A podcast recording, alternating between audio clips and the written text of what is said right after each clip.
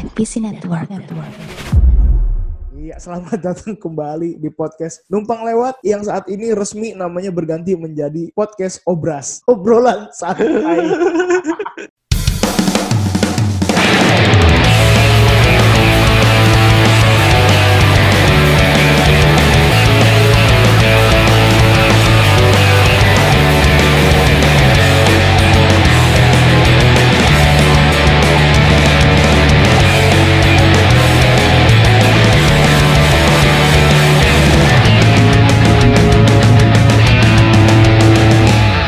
pokoknya selamat datang dan selamat mendengarkan buat Henshin People. Ganti lagi jadi Henshin People. Henshin Mania. Mania mantap ya kan di podcast Numpang Lewat yang pokoknya hari ini resmi namanya jadi Obras. Obrolan sentai. Oh iya bisa bisa bisa. Bisa, bisa. Nah, jadi buat yang mau bikin podcast Tokusatsu bisa tuh pakai Obras, obrolan sentai. Tapi bukan bukan itu tujuan kita. Tujuan kita adalah di sini ada gua Aquam dan juga Ray seperti biasa. Ah. Ya, podcast Obras ya, Obras kali cuma- namanya Obras sih bener ya. Jadi Obras ya. Untuk episode kali ini. Ya, Untuk episode kali ini jadi Obras, obrolan santai. Ntar episode ke depan kita namanya berubah lagi. Waduh waduh waduh. Siap jadi siap. semua ini diawali dari obrolan kita yang kebetulan kita juga lagi santai ya waktu itu ya. Ah, ah, ah, ah. Obras lagi dong. Kita lagi santai Ah, ngobrol-ngobrol. Kita ngomongin soal Soal apa? ya? waktu itu dari EKB dulu ya. Uh, EKB 48 dulu. uh, uh, Terus- pokoknya ngobrolin idol group ya, idol group. Ya, ah, ah. Terus gua ngasih tahu nih ke lu kan, eh Rey, lu coba dah cari Kiyakizaka lagunya Kuroi Hitsuji. Nah, ya. itu Kalau zaman sekarang kan disuruh cari lagu, kalian sama MV-nya dong. MV-nya. Betul banget karena Musik pas videonya. pas gue bilang nih keren banget nih MV-nya gitu. Coba dah lo dengerin, lo lihat. Nah, sesuai dengan Hmm. apa yang ingin kita perbincangkan, yang kita obrolkan dengan santai pada hari ini, kita akan mengobrolkan tentang lagu dan juga movie eh MV itu apa sih? Music, Music video. dari Kiyakizaka 46 dengan judulnya Kuroi Hitsuji. Mantap Hitsuji, sekali. ya. Mantap. Itu dia. Nah, sebelum kita masuk ke obrolan kita, jadi buat yang belum tahu nih, Henshin People, Henshin Mania, Toku People, Insan Kamen Rider. Nah, enak nih manggilnya yang mana ya? Pendengar numpang lewat juga bisa tuh. Oh, iya sih. Ah, ini aja dah, pecinta obras. Nah, kan hari ini podcast kita berubah jadi obras ya, obrolan santai. Jadi gini pecinta obras, terus lagu Kuroi Hitsuji itu lagu dari Keakizaka 46. Buat yang nggak tahu yeah. apa itu 46, ya sebetulnya mereka idol group dari Jepang yang nggak jauh-jauh beda sama AKB48 gitu-gitulah NMB48,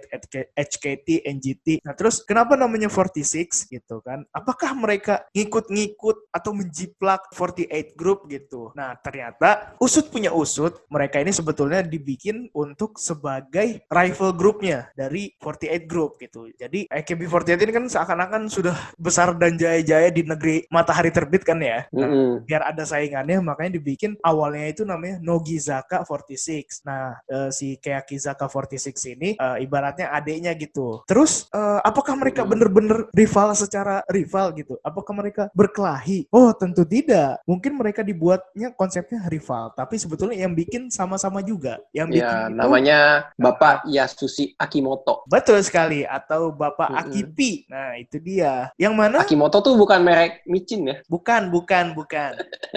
Itu Aji- Ajinomoto, Ajinomoto. Oh iya. Heeh. Aduh, gas kain disponsorin aja nih kita nih. Wah, kenapa kenapa harus disponsori micin tiba-tiba? Waduh, waduh, waduh. Yuk, yuk, lanjut, lanjut. Ah, ah, gimana, Pak Ekipi? Eh, jadi Ajinomoto itu dia itu pewangi pakaian. waduh, waduh, waduh. Molto ya, molto, molto, molto. Mm, Iya, Kurang iya. sekali kurang. Nah itu ya ya Kipi ini yang bikin EKB sama yang bikin Keaki sama sebetulnya yang bikinnya mah. Mungkin yang membedakan mereka adalah target pasar mereka siapa, terus label lagunya, terus konsep dan lain sebagainya. Kalau gue sebagai orang awam melihat AKB48 ini dia didesain tuh kayak yang lebih cheerful, lebih ceria, lebih apa ya, lebih kawaii gitu. Sedangkan si Hmm. yang 46 ini khususnya adalah yang mau kita obrol ini kayak Kizaka, mereka itu didesain yang lebih berkelas gitu kan, yang lebih keren, yang lebih kakoi, yang di mana lo ngelihat musik videonya itu lagu-lagunya nggak hampir hampir nggak pernah ada mukanya tuh ceria, mukanya tuh senyum, mukanya tuh Hmm. serius, serem gitu sih. Itu sih yang membedakan. Ya lo bisa googling sendirilah, banyak di Google gitu. Betul, betul, betul. Nah, kita akan eh, sebagaimana yang tadi gue bilang, lagu Kuroi Hitsuji. Lo bisa searching di YouTube ataupun di Spotify, lo dengerin sendiri. Lagu ini pertama kali ya, pertama kali gue ngedenger itu satu ngerasanya enak, dua tuh kayak apa ya, pokoknya enak gitu dah. Dan karena enak itu, ternyata orang Jepang juga menganggap bahwa lagu ini Jepang, eh Jepang lagi. Lagu ini enak juga, Rey. Iya. Oh, oh, oh, oh. Karena apa? Karena terbukti dia mendapatkan penghargaan sebagai lagu terbaik di Japan Record Award di tahun 2019. Lagu ini sendiri merupakan lagu single ke-8 dari Keakizaka 46 yang rilis tanggal 27 Februari 2019 tahun lalu tuh. Hmm, nah, terus yang gue baca juga ya, Niwam ya, dia kan rilis lagunya 27. Beda beberapa hari, dia rilis di YouTube ya, kalau nggak salah videonya, di 1 Maret. Lagunya sendiri namanya Kuroi Hitsuji yang berarti domba hitam. Nah, kenapa kita tertarik untuk ngobrol ini? Karena pertama, secara lagu, jujur gue suka banget sama lagu ini. Makanya, karena gue menganggap lagu ini sangat bagus, dan hal bagus itu harus disebarkan ke banyak orang. Mm, mm, mm, Ya mm. enggak? Seperti halnya sebuah Betul, betul. kebaikan. Wah, ketika disebarkan ke satu orang, mungkin Iya. bisa tersebar ke orang-orang yang lain lagi. Orang lain. Maka ini akan menjadi. Suatu kebaikan yang nanti akan larinya kepada diri kita sendiri. Ini Betul, betul, tentu betul. saja podcast numpang lewat yang berubah jadi podcast obras ya. Ini akan menjadi konsepnya adalah konsep emang podcast yang bermuatan nilai-nilai positif. Iya, iya, betul, betul, betul. Nah, gue mau nanya nih sama lu, menurut lu sendiri, Iya. ketika gue rekomendasikan lagu Kuroi Hitsuji ini dari Keakizaka 46, lu mendengar Mm-mm. lagunya, lu melihat music videonya, apakah memang benar sebagus yang gue bilang? Menurut lu gimana? Eh, gue bilang genre lagunya, gue gue jarang sih kalau dengan Jepang yang genre lagunya kayak gini dan kayaknya dia salah satu yang terbagus di genre yang ini gitu. Hmm, hmm. Dia kayak J-pop tapi ada art popnya juga. Jadi lagunya tuh kayak somehow teater-teater gitu gak sih? Ya kayak naik turun naik turun intonasinya tuh gak seala-ala rock gitu. Kalau rock kan kayaknya ada di mana teriak dan lain sebagainya gitu-gitu ya. Tapi kalau ini tuh enggak gitu. Ya kan ini ini kan durasinya kalau nggak salah sekitar 5 menit 4 menitan gak sih? Iya betul betul. Ya kan untuk sebuah lagu tuh agak lama loh ini. Jadi ya oke sih menurut gua. Jadi first first impression lo tuh oke nih ya, oke ya. Iya, eh, eh, ini note dulu ya. Hmm. Lagu Jepang yang genrenya atau genrenya J-pop atau art pop. Kalau gue sendiri ya, eh tapi ini Mm-mm, lu kalau ini kan, Ah. lu baru pertama kali tahu Keakizaka 46 kan dari lagu ini. Iya yang pada pada saat yang lu kasih tahu gua malam-malam itu. Oh iya. Terus kan gua langsung cari di YouTube. Nah kalau gua taunya udah lumayan cukup lama lah bisa dibilang. Memang lagu-lagu mereka tuh lagu-lagu yang apa ya? Ya itu sih eh, dari dance-nya Keakizaka buat gue sih keren banget ya. Saking kerennya tuh gua punya pikiran buat apa gue belajar dance gitu ya kan? Karena podcaster ini sebetulnya tidak menghasilkan. Mungkin gue bisa menghasilkan ketika gue menjadi dancer. Karena asli sumpah, pertama kali gue lihat adalah lagunya itu pertama kali gue tahu Keakizaka 46 itu lagu dari lagu namanya ini agak agak ribet nih penyebutannya nih. Fuck, fuck you, bukan dong. Fuck you itu jadi antar Waduh, waduh, waduh. Fuk Fukiowaon. Ah, Fukiowaon yang artinya itu dis. Discord pemberontakan apa kalau nggak salah. Nah itu. Pertama kali gue tahu Keakizaka 46 tuh dari situ. Yang Oh. pokoknya keren banget sih gue bilang keren banget terus eh, akhirnya gue sedikit demi sedikit ngikut-ngikut ngikutin sampai pada akhirnya ketika mereka rilis single ke-8 ini Kuroi Hitsuji gue lihat Mhm. video klipnya gue ngedengerin lagunya lo tau apa yang gue ngerasain? Apa tuh? gue merinding asli gue merinding. Mungkin kalau lu melihat sorot mata gue mungkin mata gue berkaca-kaca. Anjay lebay anjir. Eh, padahal eh, pertama kali gue ngedenger dan gue melihat video klipnya gue nggak tahu maksudnya nih ini apa gitu. Maksudnya nih Hmm. nggak tahu apa gitu. Tapi Arti dari lagunya ya? arti dari ya? lagunya. Karena itu gue penasaran dong gue searching arti lagunya apa. Karena kita meskipun suka dengan pop culture Jepang tapi tidak bisa bahasa Jepang ya. Apalagi gue mungkin gue tidak bisa bahasa Jepang gue bisa bahasa Azerbaijan bisa gue tiba-tiba jadi Azerbaijan. Mm, mm, mm. terus nih salah satu yang gue suka dari Keakizaka nih khususnya lagu ini ini tuh lagunya tuh kayak bukan nyanyi. Iya, tapi kayak puisi yang dijadiin lagu gitu gak sih? Kayak kayak ngomong. Iya kan bahkan bener-bener karena memang kayaknya itu menjadi ciri khas mereka deh. Mungkin ntar lo dari sini dan juga para obras mania yang mendengarkan sampai saat ini lo bisa cari-cari lagu lagunya Keakizaka itu emang rata-rata tuh kayak gitu tuh. Kayak dia tuh cuma ngomong ngomong ngomong-ngomong Panjang ya. sambil di, diiringi apa background gitu kan. Kalau di Spotify sih ya bagi obras mania yang sedang mendengarkan dan pengen cek di Spotify gitu. Tapi ceknya setelah mendengarkan podcast ini secara tuntas. Kuroi Hitsuji itu nomor dua terbanyak didengar, Di? yaitu na- di Spotify. Oh iya. Dia di total play-nya tuh ada 6 juta 280 639 pendengar dan mungkin akan terus bertambah ya Dan mungkin akan jumlahnya gitu. terus bertambah dan salah satu penyumbang angka itu bertambah banyak itu adalah kita. ya.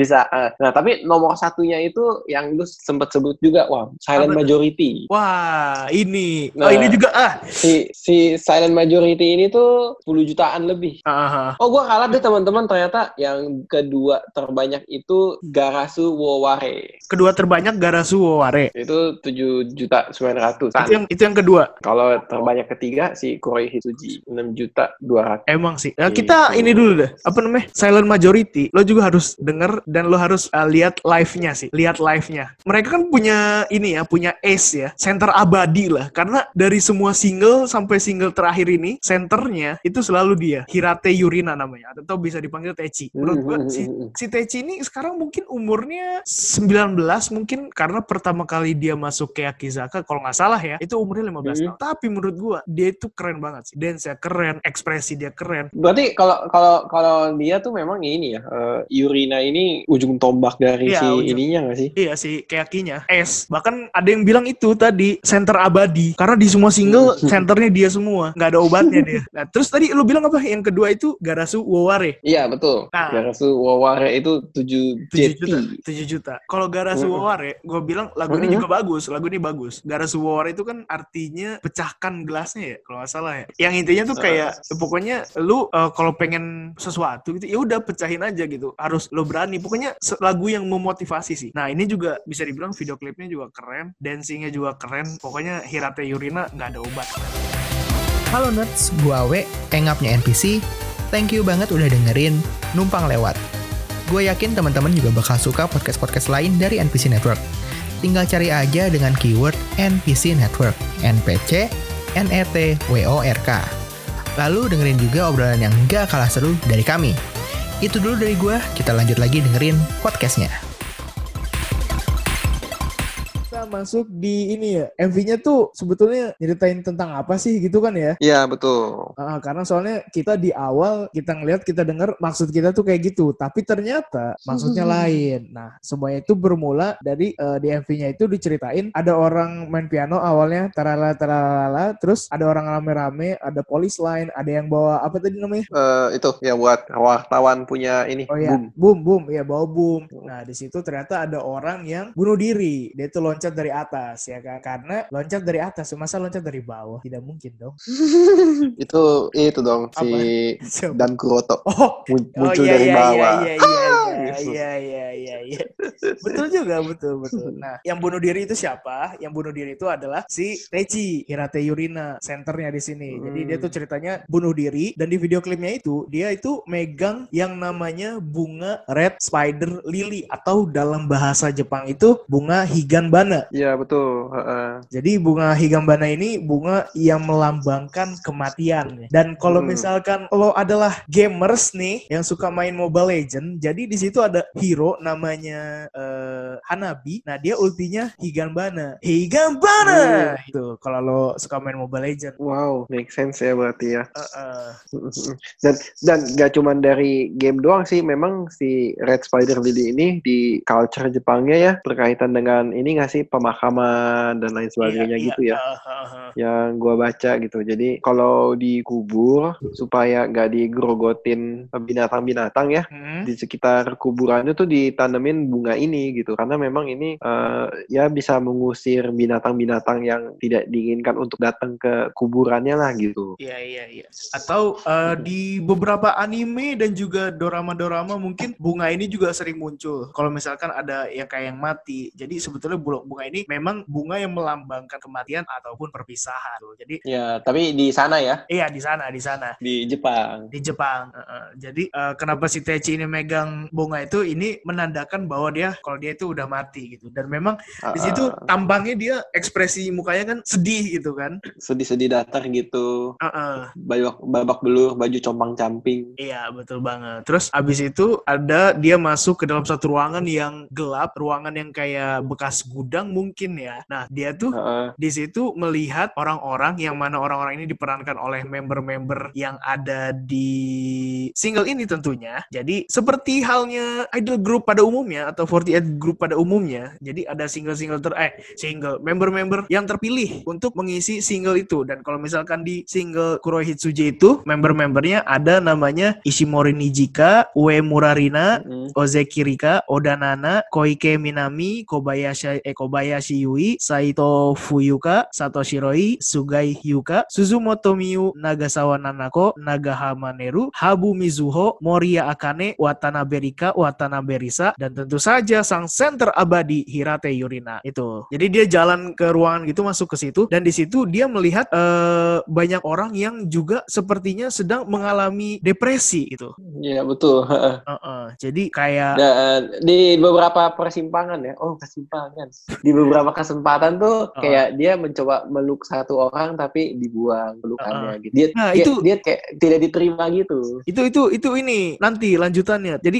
Sebelum Ini- dia ke situ- ya betul. Oke, lanjut. sebelum ke situ dia dia melihat orang-orang depresi itu tadi kan. Jadi ada yang eh, apa namanya ya? Kayak orang-orang yang mungkin merasa hidupnya ini susah, merasa hidup apa ya? Merasa hidup itu tidak adil kepada dirinya. Jadi kayak dia tuh kondisi orang-orang itu eh, putus asa dan mencoba untuk bunuh diri seperti si Hirate Yurina itu. Jadi di situ ada kayak orang yang eh, berantem sama orang tuanya gitu kan karena dia disuruh belajar dengan giat, belajar dengan keras terus eh, dia banting semua buku pelajaran yang ninggalin orang tuanya terus ada apa namanya orang juga tuh cewek yang dia cecok sama cowok ngelempar ember. Ini kalau misalkan Hmm. gua gua baca teori-teorinya katanya ini ada orang yang berantem sama suaminya gitu. Terus ada juga kan eh, cewek ditangkap sama polisi gitu karena dia kelihatan ny- nyuri nyolong make up. kosmetik. Iya, nyolong kosmetik. Mm-mm. Terus ada cewek yang sendirian di sekitarannya kotor gitu kayak jadi gelandangan. Ada yang diomelin Iya. terus dia tutup telinga gitu kan. Terus Betul. ju- Ada, yang lihat handphone terus ah udahlah bosen Nah. gue lihat handphone gitu. itu tuh yang yang lihat handphone sih. Itu kayak ini gak sih? Kayak apa namanya? Mungkin dia lagi ngelihat bully-bully di sosial sosial media gitu. Iya, kalau komentar atau dia lagi lihat ah podcast aku tidak laku gitu.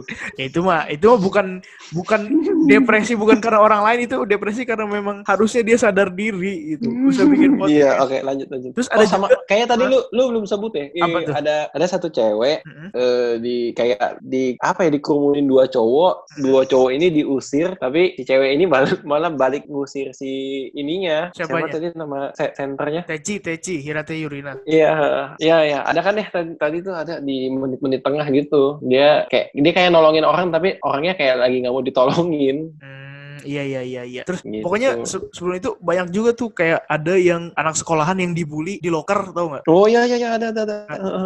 Di situ tuh ada tulisan juga kan di lockernya black sheep. Hmm, Heeh. Terus ada ini juga, gue inget banget. eh, kemarin kan gue merhatiin tuh satu persatu tuh, nih apa aja sih yang ada di situ? Jadi kayak ada di kantor gitu cewek, terus ada temennya yang eh, kayak ngomong-ngomongin sesuatu ke dia gitu, terus dia kayak apaan sih lo gitu? Itu gue kebayang sama film ini, Imperfect. Oh, iya iya iya. yang iya, mungkin iya. dia dibully dibully sama teman kantornya gitu kan atau atau apa nah itu betul betul betul. Terus ada ini juga apa yang orang tuanya meninggal terus si Tecinya datang ini yang lu sebut tadi ya bukan ya Bukan beda beda beda. Iya orang tuanya meninggal si Tecinya datang kayak mencoba untuk menghibur tapi terus didorong lagi gitu Iya, diusir. Ah, diusir terus akhirnya eh, dia mau naik ke tangga ke atas di situ dia ngeliat kayak ada cewek yang ngeliat eh, kertas ngebaca kertas terus kayak mukanya lesu gitu Mhm. mukanya sedih Eh, kalau orang-orang bilang sih ini kayaknya abis ditolak lamaran kerja dia Iya, ha.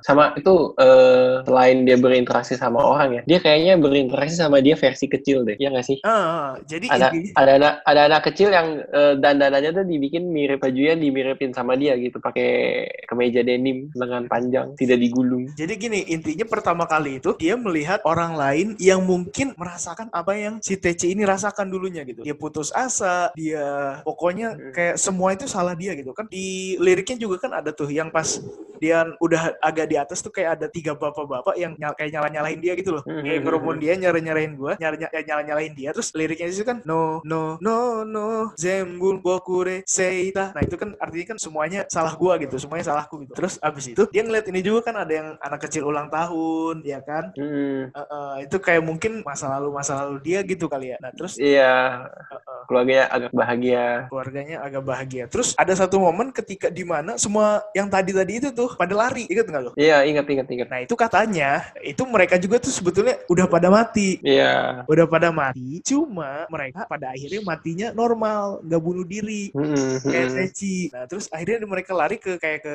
cahaya kan, sumber cahaya kan. Iya, Nah bedanya si Teci ini muter naik lagi ke tangga yang ada lilin-lilinnya di sampingnya tuh. betul. Nah itu katanya eh, dia itu digambarkan kalau dia tuh masuk neraka gitu. Nah pada akhirnya dia ketemu sama dia waktu kecil. Yang kasih dia bunganya lagi Kasih dia karena bunganya bunganya sempat hilang. Heeh, bunganya sempat hilang. Nah di situ itu menyimbolkan bahwa yang kecilnya ini bilang katanya ya udah nggak apa-apa gitu. Lo udah mati, terima aja. Semuanya bakal bye-bye aja gitu. Nah terus akhirnya Hmm, hmm, mu- hmm. musiknya berhenti kan tuh? Musiknya berhenti kan tuh? Iya, Musiknya sesaat. ber- berhenti sesaat, dia agak naik lagi ke atas, set set set set, set, naik tangga. Nah di situ dia ngomong, tapi suaranya nggak di iniin kan? Nggak didengerin didengerin. kan? Ah, nah kalau misalkan lo bisa baca, itu dia itu kayak lagi ngomong boku ga i atau enggak boku dake dei yang artinya aku saja gitu, atau enggak biarin gua aja gitu. Maksudnya biarin dia aja yang merasakan eh, sakitnya bunuh diri itu kayak apa, sakitnya kehidupan yang dia alami itu kayak apa gitu. Lo semua jangan mati kayak jangan sampai mati kayak gitu gitu loh, karena masih ada yang bisa lebih baik lagi gitu.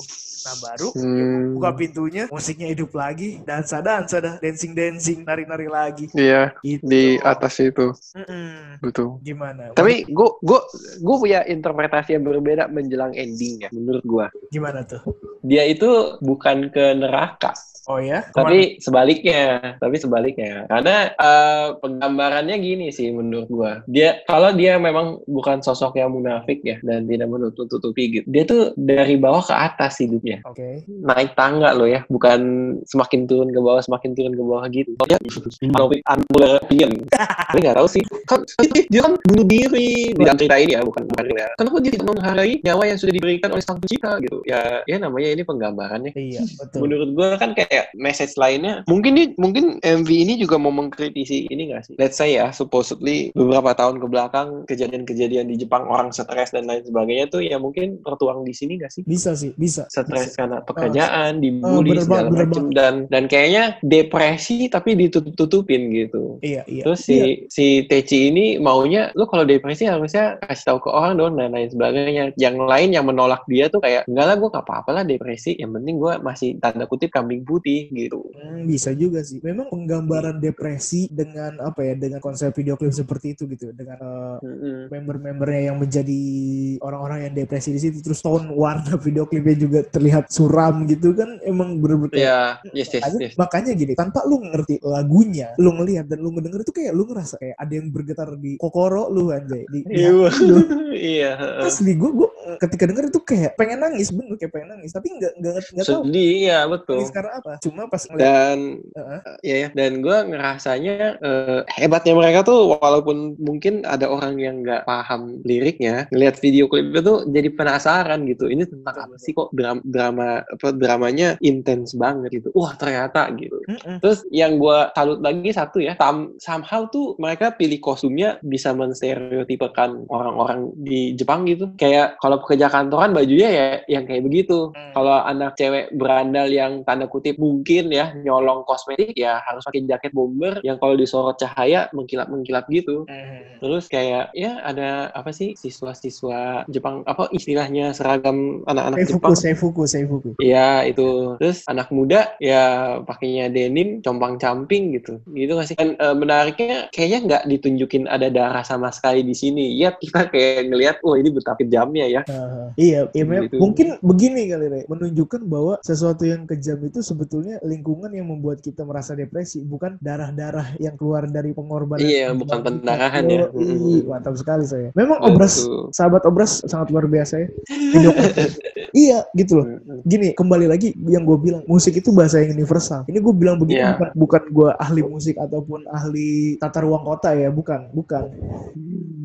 Tapi ketika lu denger itu awalnya tuh kayak ngerasa dem gitu, ngerasa deep banget, terus ngerasa bener-bener ngerasa sedih. Dan kemarin puncak kesedihan gue adalah ketika kita sebelum tag podcast ini, gue kan merhatiin lagi tuh menit per menit, detik Hmm. per detik, gue liatin satu-satu gitu kan yang ada di situ betapa depresinya orang-orang dan anjir men sedih banget gila, bener-bener Ya asik, betul. asik. Jadi gue mendapati satu buah kesimpulan ketika pertama kali eh, apa namanya gue mendengar dan melihat video klip Kuroe Hitsuji, kokoro gue bergetar, hati gue bergetar. Tapi ketika gue mendalami lagi artinya, kokoro gue menangis men asli, asli bener-bener parah. Memang bener-bener apa ya merepresentasikan apa yang terjadi dengan kehidupan dewasa ini. Iya betul. Betul kan? Tapi ya itu kan bentuk kritik ya. Mm-mm. Kita mungkin bahas dari segi seni lah ya. Heeh, Tadi kan disebut-sebut musik itu universal. heeh. Bener ya. Kalau kita bicara dari segi musiknya doang. Nah, sekarang kan kita ada MV-nya nih. Kalau Hmm. menurut gua, eh, gua mau nanya sama lu nih. Lu setuju nggak kalau video klip ini bisa dijadikan sebagai referensi? Barangkali di luar sana tuh ada yang mau mendalami, eh, let's say ilmu bikin film, ilmu bikin video klip gitu. Ini tuh kayak bisa nggak sih jadi referensi? Eh seninya di sini ada loh gitu. Detail-detail dan lain sebagainya. Entah itu pencahayaan, gerak kamera. Hmm. Kan dia one take ya kalau nggak salah ya. Iya, betul. Putus gitu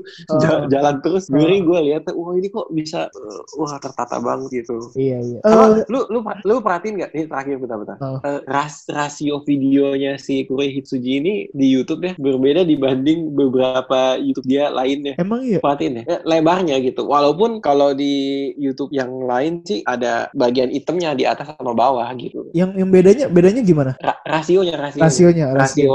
rasio layarnya. Uh-uh. Jadi kalau yang si Kure Hitsuji ini tuh lebih cenderung pendek, atas bawahnya tuh lebih pendek. Oh. Sedangkan kalau di video yang lain, ya memang atas bawahnya eh, agak panjangan, tapi ada bagian itemnya gitu. Iya iya iya. Iya itu. Tadi pertanyaan lo apa? Lupa Eh, it- oh ya, eh, setuju nggak kalau ini bisa dijadiin referensi kalau orang mau bikin, ya kalau mau bikin video klip gitu-gitu lah. Oh, Video gini ya. klip Satu di uh, saya, sinematografi. ya saya harus Hmm. eh, mendisclaimer ya kan gue sebetulnya tidak mengerti ya sinematografi atau apa pun itu. Yang jelas Iya, gue iya. gue nggak tahu ilmunya gitu. Tapi gue ngerasa video klip ini video klip yang dari musik ya yang bener-bener menggambarkan satu cerita yang utuh sinkron dengan lirik lagunya gitu. Dan yang membuat keren adalah yaitu tadi one shot itu. Gue tuh karena gue nggak bisa ya kan? Karena gue nggak bisa gue tuh orang bikin eh, sinematografi yang abal-abal aja menurut gue keren banget. Apalagi Hmm. ini gue jadi inget film ini One Cut of the Dead. Oh, iya iya iya iya, One Cut of the Dead. Itu yang ada zombie bukan sih? iya zombie yang film komedi itu. Nah Hmm, kalau gue ngebayangin situ kan film bikin one take itu kan susah banget ya Bran. belum ya belum lagi acting mereka belum lagi koreografinya. Lu bayangin. Iya betul. gila nggak tuh? Dalam satu ini harus ngedance ngedance dengan ekspresi sedih dan itu menurut gue sih ini bagus dan kalau misalkan ya mau belajar ya bisa lah jadi referensi gitu.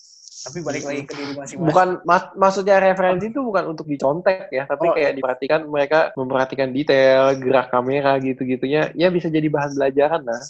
Eh, itu sih. Keren lah pokoknya. Bener-bener musik yang bagus itu kan katanya yang nyampe ke hati bener-bener nyampe ke hati walaupun gue nggak ngerti bahasa Jepang ya. Itu sih. Makanya gue bilang ini ini bagus nih emang gimana? Bagus nggak? Bagus bagus. itu. Eh, eh.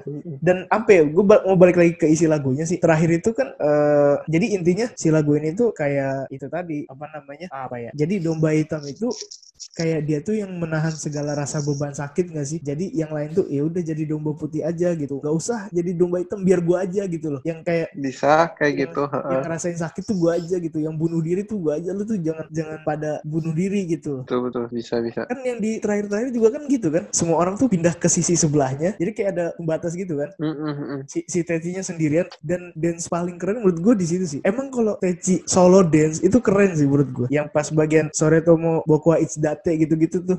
Dia kan solo set. Sama dia guling guling, guling, guling di atas lantai gitu. Asli itu menurut gua wajib yeah. pecah set, sih. Set gitu. Waduh. Pecah banget sih, pecah banget. Keren dah, keren.